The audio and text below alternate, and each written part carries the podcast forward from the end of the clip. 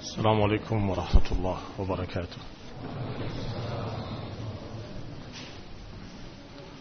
إن الحمد لله نحمده ونستعينه ونستغفره ونعوذ بالله من شرور أنفسنا ومن سيئات أعمالنا من يهده الله فلا مضل له ومن يضلل فلا هادي له وأشهد أن لا إله إلا الله وحده لا شريك له وأشهد أن محمدا عبده ورسوله صلى الله عليه وعلى آله وأصحابه والتابعين وتابع التابعين ومن تبعهم بإحسان إلى يوم الدين يا أيها الذين آمنوا اتقوا الله حق تقاته ولا تموتن إلا وأنتم مسلمون.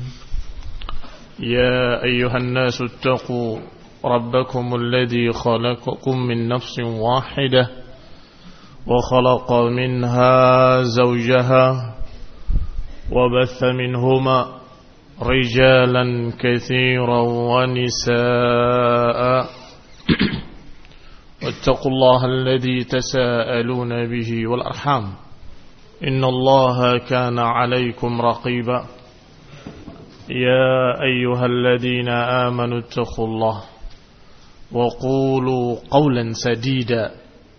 يصلح لكم أعمالكم ويغفر لكم ذنوبكم ومن يطع الله ورسوله فقد فاز فوزا عظيما. أما بعد فإن خير الحديث كتاب الله وخير الهدي هدي محمد صلى الله عليه وعلى آله وسلم وشر الأمور محدثاتها فإن كل محدثة بدعة وكل بدعة ضلالة وكل ضلالة في النار. Akhwani fi din, a'azakumullah. Kaum muslimin yang saya hormati. Pada kesempatan pertemuan kali ini kita akan sampaikan sedikit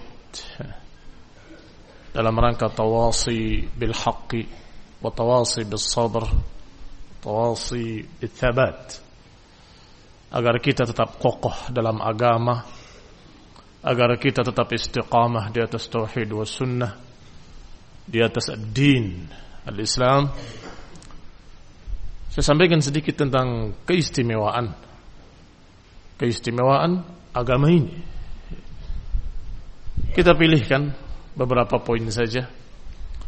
Dari apa yang ditulis oleh Syekh Abdurrahman bin Nasir As-Sa'di rahimahullah dalam kitab kecilnya atau dalam kutub Ad-Durrah Al-Mukhtasarah fi Mahasin Ad-Din Al-Islami pembahasan ringkas tentang mahasin ad-din keindahan-keindahan agama Ikhwani din, a'azakumullah. Di samping menambah kita bersyukur pada Allah Subhanahu wa taala dan istiqamah di atas agama ini, juga agar kita mengetahui betapa jahatnya ahlul ahwa, ahlul dalal yang merusak agama ini atau menambah-nambahkan dengan sekian ajaran bid'ah yang akhirnya keindahan tadi tertutup. Akhirnya keindahan tadi hampir-hampir tidak terlihat karena yang terlihat adalah perbuatan-perbuatan bid'ah mereka. Ikhwani fi din, a'azakumullah. Kaum muslimin yang saya hormati. Yang pertama, keistimewaan agama ini adalah karena dibangun di atas iman, di atas keyakinan kepada Allah Subhanahu wa taala. Wahdahu la syarikalah jadi ini keistimewaan yang sangat tinggi. Tidak ada satu agama pun yang dibangun di atas tauhid. La ilaha illallah kecuali agama ini. Tidak ada satu agama pun yang dibangun di atas keyakinan kecuali agama ini. Ikhwani fi din, a'azakumullah. Semua agama-agama buatan manusia. Dan semua agama-agama berakhir pada ide-ide manusia yang tidak didasari sesuatu yang pasti. Sehingga ikhwani fi din, a'azakumullah. Syekh Sa'di rahimahullah mengawali dengan keistimewaan ini. Dibawakan ayat Allah, "Qulu amanna billah." Wa ma unzila ilaina wa ma unzila ila Ibrahim wa Ismail wa Ishaq wa Yaqub wal asbat wa ma utiya Musa wa Isa wa ma utiya an-nabiyyuna min rabbihim la nufarriqu baina ahadin minhum wa nahnu lahu muslimun. Agama ini dibangun di atas prinsip keimanan yang Allah katakan qulu amanna billah. Katakan kami beriman pada Allah Subhanahu wa taala. Dan beriman pada apa yang diturunkan kepada para anbiya kepada Ibrahim, Ismail, wa Ishaq, wa Yaqub, wal asbat, wa ma utiya Musa wa Isa alaihi wassalatu wassalam. Ini dasar agama Islam. Dibangun di atas keimanan dan keyakinan. Fahadihi al-usul azimah alati amar Allah ibadahu biha. Inilah prinsip agama yang diperintahkan oleh Allah Subhanahu wa taala untuk membangun agama ini di atas prinsip ini. Dalam ayat lain Allah katakan, "Qulu ucapkanlah Rabbun Allah." Kemudian istiqomahlah. Nabi pun ketika ditanya tentang agama ini Ringkaskanlah ya Rasulullah. Dijawab, Qul amanna billah thumma istaqim. Atau Qul amantu billah thumma istaqim. Katakan amantu billah, kemudian istiqamah. Ikhwani fid din, a'azakumullah. Sesuatu yang dibangun di atas keyakinan pasti akan berbeda dengan sesuatu yang dibangun di atas keraguan. Di atas ikut-ikutan, di atas kebiasaan, di atas perkara-perkara yang bisa dibantah oleh manusia lain. Tetapi apa yang menjadi dasar agama ini adalah keimanan kepada Allah SWT. Rabbus samawati wal ard. Pencipta langit dan bumi. Yang menciptakan seluruh alam semesta. Yang menakdirkan. Yang menentukan. Sehingga fitrah manusia mana pun. Fitrahnya nggak bisa mengingkari. Bahwa ini agama yang hak. Karena kita tidak mengajak pada pikiran manusia, tidak mengajak kepada ide-ide manusia, tapi kita mengajak kepada Allah. Waman ahsanu qawlan mimman ilallah. Siapa yang lebih baik ucapannya? Dari mereka-mereka yang da'a ilallah, yang mengajak kepada Allah. Maka mereka akan melihat dengan hati mereka, dengan fitrah mereka, ini agama bukan bikinan manusia selalu dari Allah Subhanahu wa taala, dari Allah Subhanahu wa taala atau melalui utusan yang diutus oleh Allah Subhanahu wa taala. Yang kedua, walaupun tidak berurutan, bahwa hadhi hadha din agama ini merupakan agama rahmat. Agama kasih sayang Syekh Zahdi rahimahullah menyatakan di antara keistimewaan dan keindahan agama ini karena dia dibangun di atas rahmat. Kata beliau, "Inna dinal Islam dinu rahmatin wa barakatin wa ihsanin wa hath ala manfaati anwa'il insan."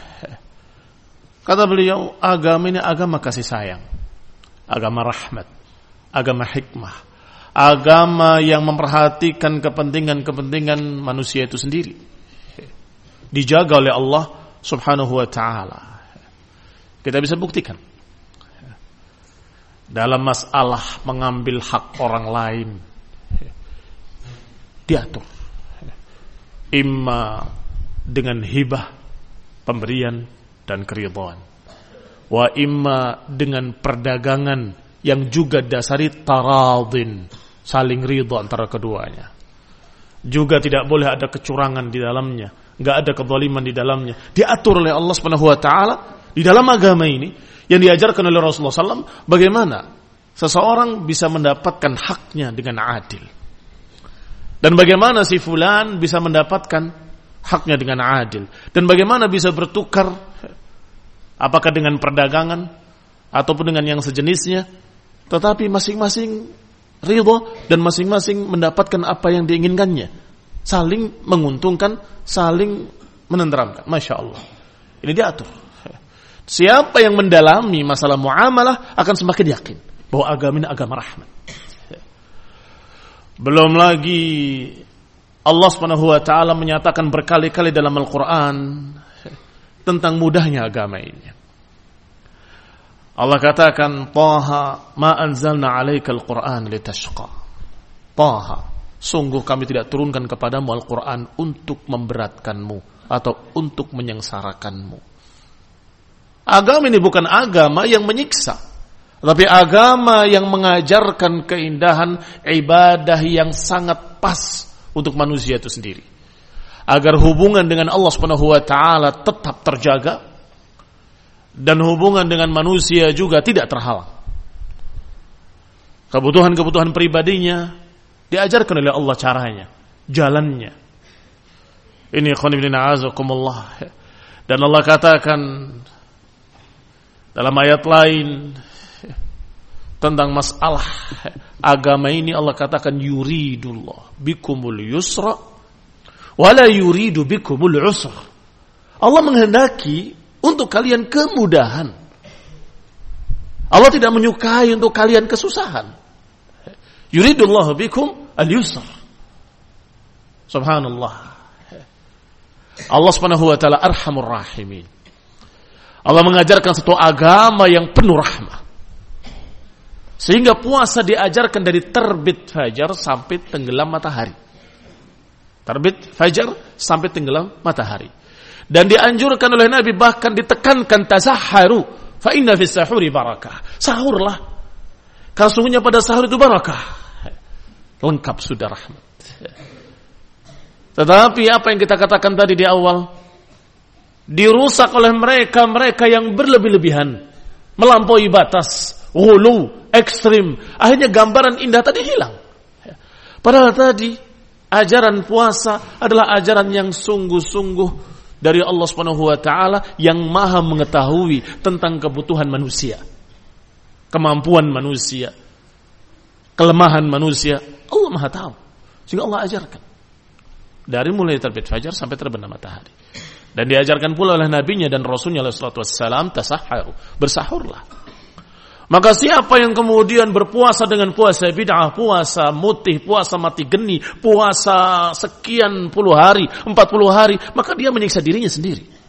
Atau puasa untuk tidak duduk, berdiri terus, dan tidak bernaung untuk tetap di bawah matahari.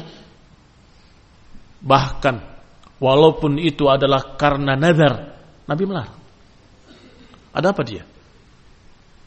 Kok berdiri di panas sana? Ya Rasulullah dia bernazar untuk berpuasa Tidak bernaung Dan tidak duduk. Suruh dia duduk Suruh dia bernaung Dan teruskan puasanya. Yang disuruh teruskan puasanya. Dan dalam kesempatan lain Nabi menyatakan Iyakum wal ghulu. Hati-hati kalian dari ghulu. Dalam Al-Quran juga demikian. Tentang al-ghulu melampaui batas ekstrim. Karena agama ini agama rahmat, agama kasih sayang. Kalau kemudian diajarkan perkara-perkara bid'ah yang memberatkan, memberatkan, memberatkan, akhirnya manusia akan merasa berat dan mengira bahwa agama ini susah. Padahal mereka sendiri yang mengada-adakan kebid'ahan tersebut. Nabi sallallahu alaihi wasallam juga menyatakan halakal mutanatti'un. Halakal mutanatti'un. Akan binasa para mutanatti' orang yang ekstrim atau yang melampaui batas. Ibnu Mas'ud radhiyallahu taala anhu menyatakan iyyakum wattanattu' iyyakum watta'ammuq iyyakum wattabaddu' wa 'alaikum bil 'atiq.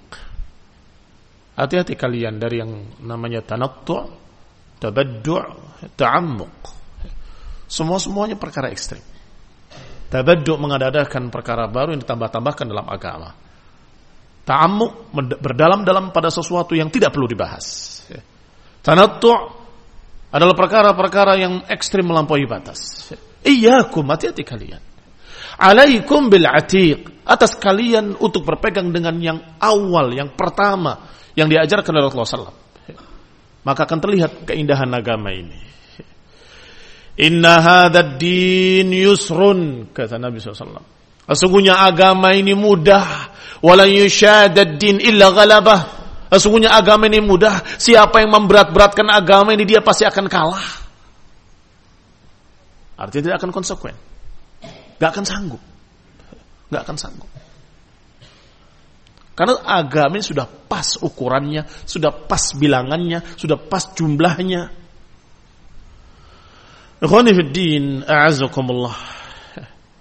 Dengan demikian, siapa yang yushadad din, yang berat-beratkan agama, ujung-ujungnya dia nggak akan sanggup.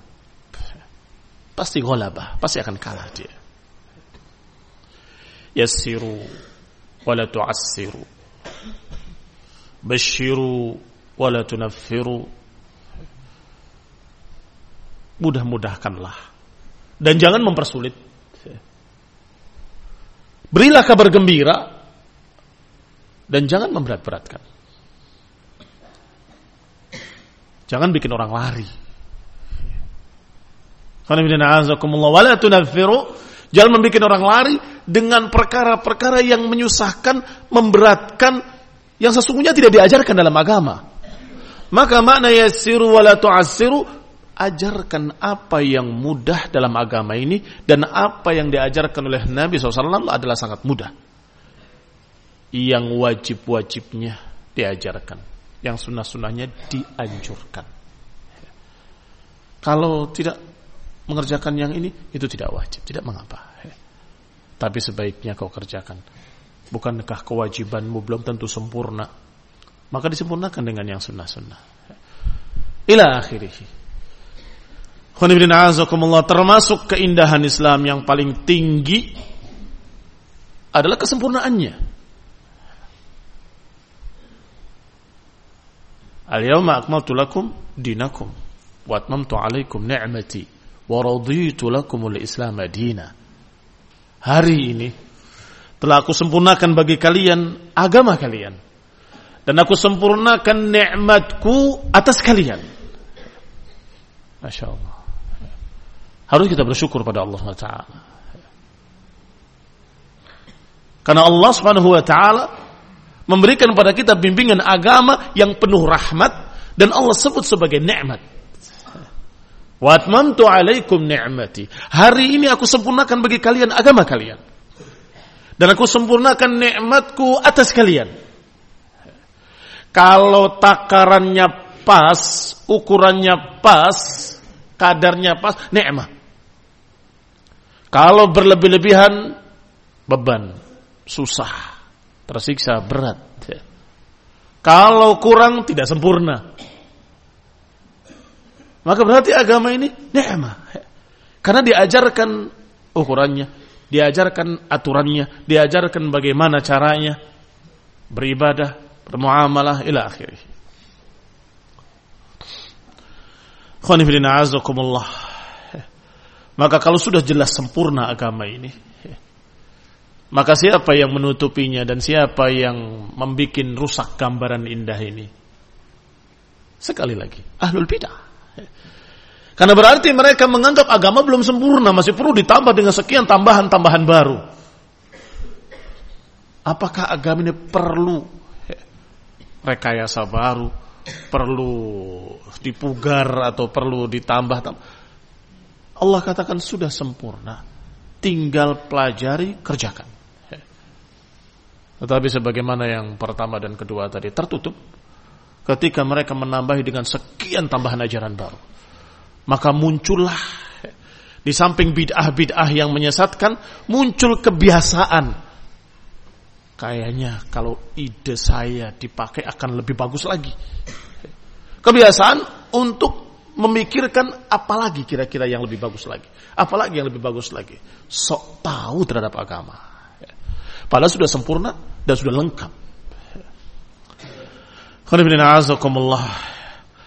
Termasuk keindahan agama ini adalah bahwa agama dinu nasihah. Agama yang berlandaskan nasihat. Ad-dinun nasihah, ad-dinun nasihah, ad-dinun nasihah. Qulna liman ya Rasulullah, kami katakan untuk siapa itu ya Rasulullah? Lillahi wa li rasulihi wa li ammatul muslimin wa ammatihim Agama itu nasihat, agama itu nasihat, agama itu nasihat. Untuk siapa? Untuk Allah Subhanahu wa taala. Ikhlas lillah wa fillah. Karena Allah Subhanahu wa taala. Kedua untuk Rasulnya. Dalam rangka menjalankan perintah Rasulullah SAW dalam rangka menegakkan sunnah Rasulullah SAW kitabih. Karena mengikuti kitabnya. Wali a'immatul muslimin. Dan untuk para pemimpin-pemimpin kaum muslimin. Wa ammatihim. Dan untuk keumuman kaum muslimin. Di samping makna nasihat, juga nasihat memiliki makna memberikan sesuatu yang terbaik. Memberikan sesuatu yang terbaik untuk Allah SWT adalah mengesakannya dalam ibadah. Memberikan sesuatu yang terbaik untuk Rasulullah SAW adalah dengan ittiba kepadanya Memberikan sesuatu yang terbaik untuk Al-Quran adalah mempelajarinya, membacanya, mempelajarinya, dan menerapkannya. Dan memberikan yang terbaik untuk penguasa adalah mentaati mereka fil ma'ruf dan menasehati mereka dengan cara yang baik. Dan untuk amatul muslimin, memberikan terbaik untuk keumuman kaum muslimin, yang paling terbaik adalah memberikan nasihat ilmu kepada mereka mengajarkan kebenaran, mengajarkan tauhid, mengajarkan sunnah, mengajarkan hadis-hadis yang sahih, mengajarkan sekian kebaikan. Ta'muruna bil ma'ruf wa tanhauna 'anil munkar. Saya katakan bahwa ini adalah keindahan Islam, keistimewaan Islam karena yang namanya manusia kecuali yang maksum yang dijaga oleh Allah sallallahu alaihi wasallam adalah manusia tempat salah dan lupa. Sehingga kalau ada nasihat menjadi sempurna. Si fulan yang lupa diingatkan oleh orang yang ingat. Yang ini lalai maka diingatkan oleh mereka yang dalam keadaan sadar. Yang ini belum tahu diberitahu sama yang belum tahu. Yang ini emosi dinasehati oleh orang yang lebih bisa menahan sabar. Yang lebih bisa menjaga kesabarannya. Tawasibil haqqi wa tawasibil sabr. Dan itu barakallahu fikum tawasi bil marhamah. Itu saling memberikan kasih sayang. Saling memberikan kasih sayang. Nasihat itu kasih sayang. Ini juga barakallahu fikum dirusak oleh sekian ahlu dalal yang mengatakan bahwa nasihat itu adalah memusuhi. Sehingga jangan memberikan nasihat. Kalau engkau memberikan nasihat berarti engkau memusuhi kelompok lain, memusuhi golongan lain, engkau menganggap mereka keliru, engkau menganggap begitu dan begitu. Ajib. Enggak terbalik. Kok bisa? Yang dianggap pemecah belah adalah penasehat-penasehat. Penasehat hanya berkata ini yang benar, ini yang salah. Ini sunnah, ini bid'ah. Ikuti sunnah, jangan ikuti bid'ah. Ini tauhid, ini syirik. Peganglah tauhid, jauhilah kesyirikan. Apa ini yang disalahkan sebagai pemecah belah umat? Ini khonudana azakullah terjadilah kerancuan. Padahal justru itulah keindahan agama ini. Itulah keindahan agama. Sehingga selalu hidup tawasibil haqqi tawasibil sabr tawasi bil marhamah, selalu hidup dan tegak amar ma'ruf nahi munkar. Dan semuanya harus lillah, wali rasulihi, wali kitabihi. Semuanya harus ditegakkan karena Allah, karena mengikuti Rasulnya, karena berpegang dengan kitabnya. Jangan keluar dari garis-garis tersebut. Jangan keluar dari garis yang dikatakan oleh Allah. Jangan keluar dari garis yang diajarkan oleh Rasulullah. Jangan keluar dari garis yang sudah ada dalam kitab Allah. Saling menasehati dengan cara sunnah.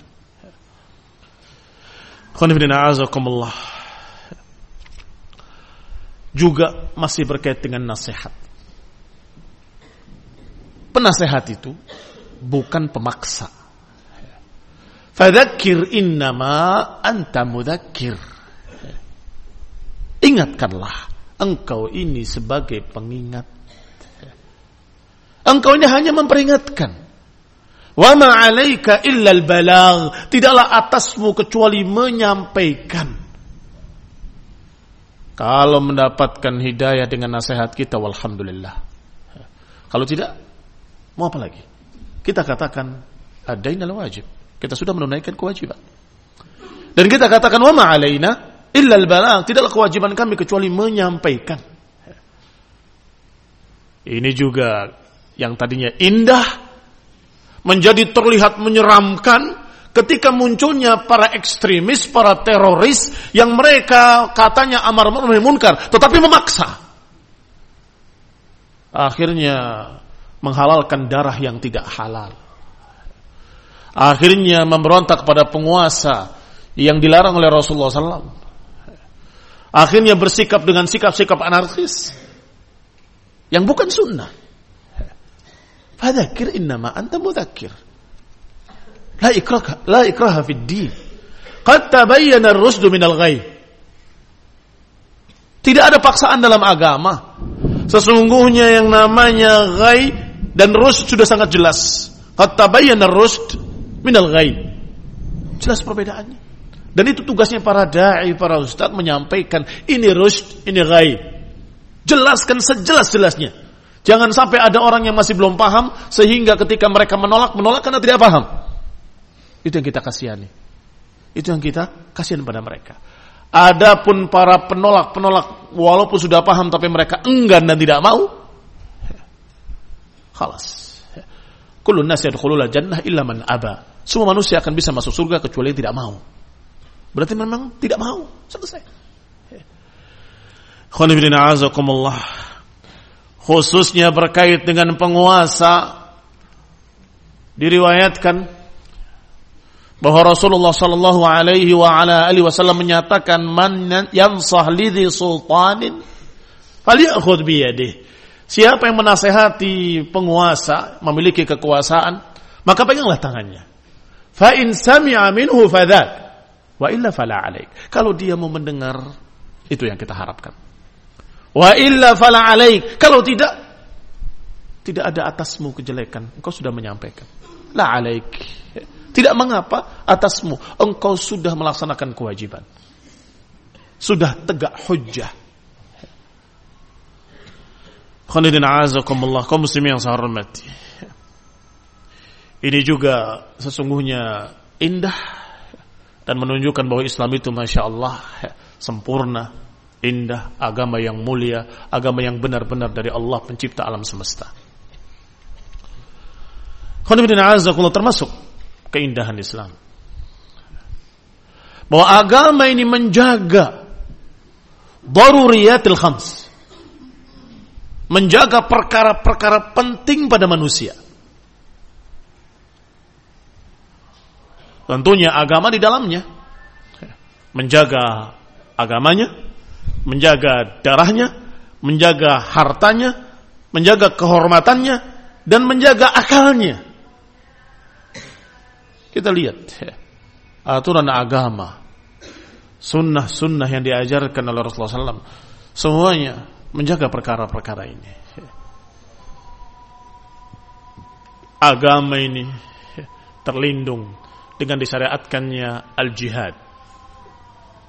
Wal jihad dengan dua jenisnya bisayfi was sinan wabil hujjati wal bayan apakah jihad dengan pedang dan tombak ini dengan secara fisik atau pedang bil hujjati wal bayan dan khususnya di masa-masa sekarang ini Kata masyayikh, kata beberapa ulama, ya, aku melihat jihad yang paling tinggi sekarang ini adalah dengan hujjah wal bayan, dengan dakwah, dengan menyampaikan ilmu.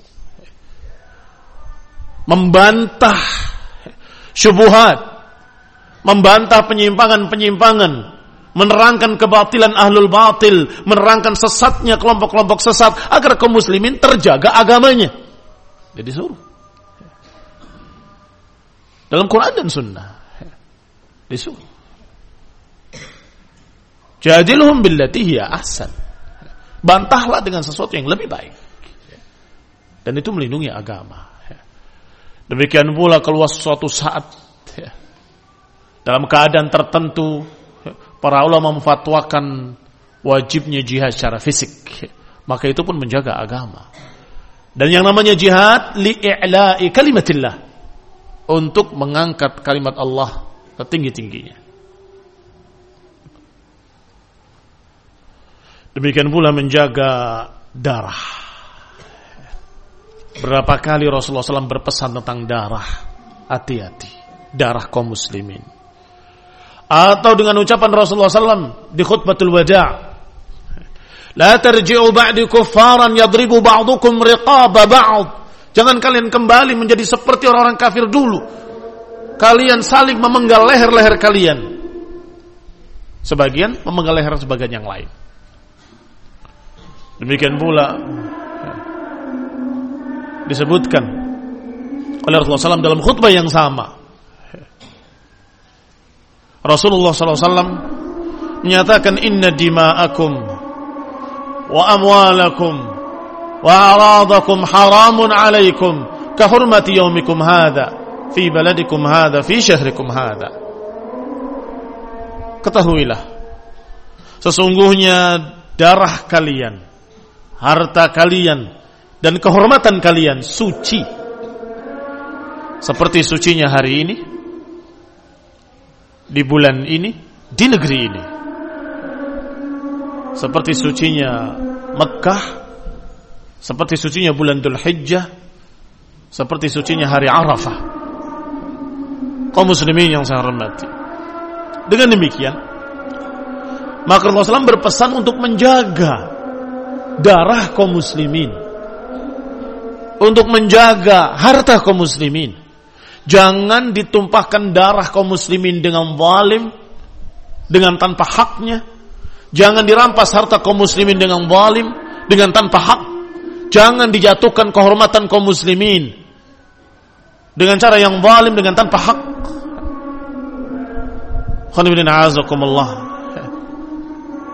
Ini menjaga darah kaum muslimin. Sehingga para ulama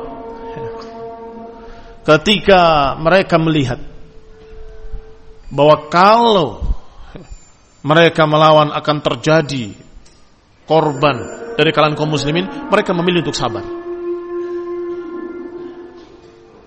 Seperti Imam Ahmad rahimahullah ketika didatangi oleh fuqaha Baghdad datang kepadanya menyampaikan kita mau sampai kapan sabar terus terhadap mereka. Kenapa kita tidak melawan ila akhirnya dijawab dimaul muslimin. Dimaul muslimin. La ara dhalik Wala amurukum darah kaum muslimin, darah kaum muslimin. Aku tidak sependapat dengan kalian. Aku tidak perintahkan kalian darah kaum muslimin, darah kaum muslimin. Berpikir jauh ke depan bahwa mereka muslimin melawan orang-orang yang pengikutnya juga muslimin. Mungkin sebagian mereka sudah terlalu jauh, tapi sebagian yang lain orang yang tidak tahu menau orang awam yang hanya ikut-ikutan penguasanya akan terjadi pertumpahan darah sesama mereka. Ini juga sudah kita lihat berbagai macam perbuatan-perbuatan khawarij, ahlul hawa, kaum reaksioner merusak keindahan ini. Padahal agama mengajarkan untuk saling menjaga darah kaum muslimin mengajarkan untuk saling menjaga harta kaum muslimin, untuk saling menjaga kehormatan kaum muslimin. Ini juga dirusak oleh mereka dengan tingkah pola mereka yang sama sekali tidak ada perhitungan, apalagi agama, apalagi dengan ilmu. Dengan perhitungan akal mereka saja kayaknya tidak, mereka tidak berhitung sama sekali.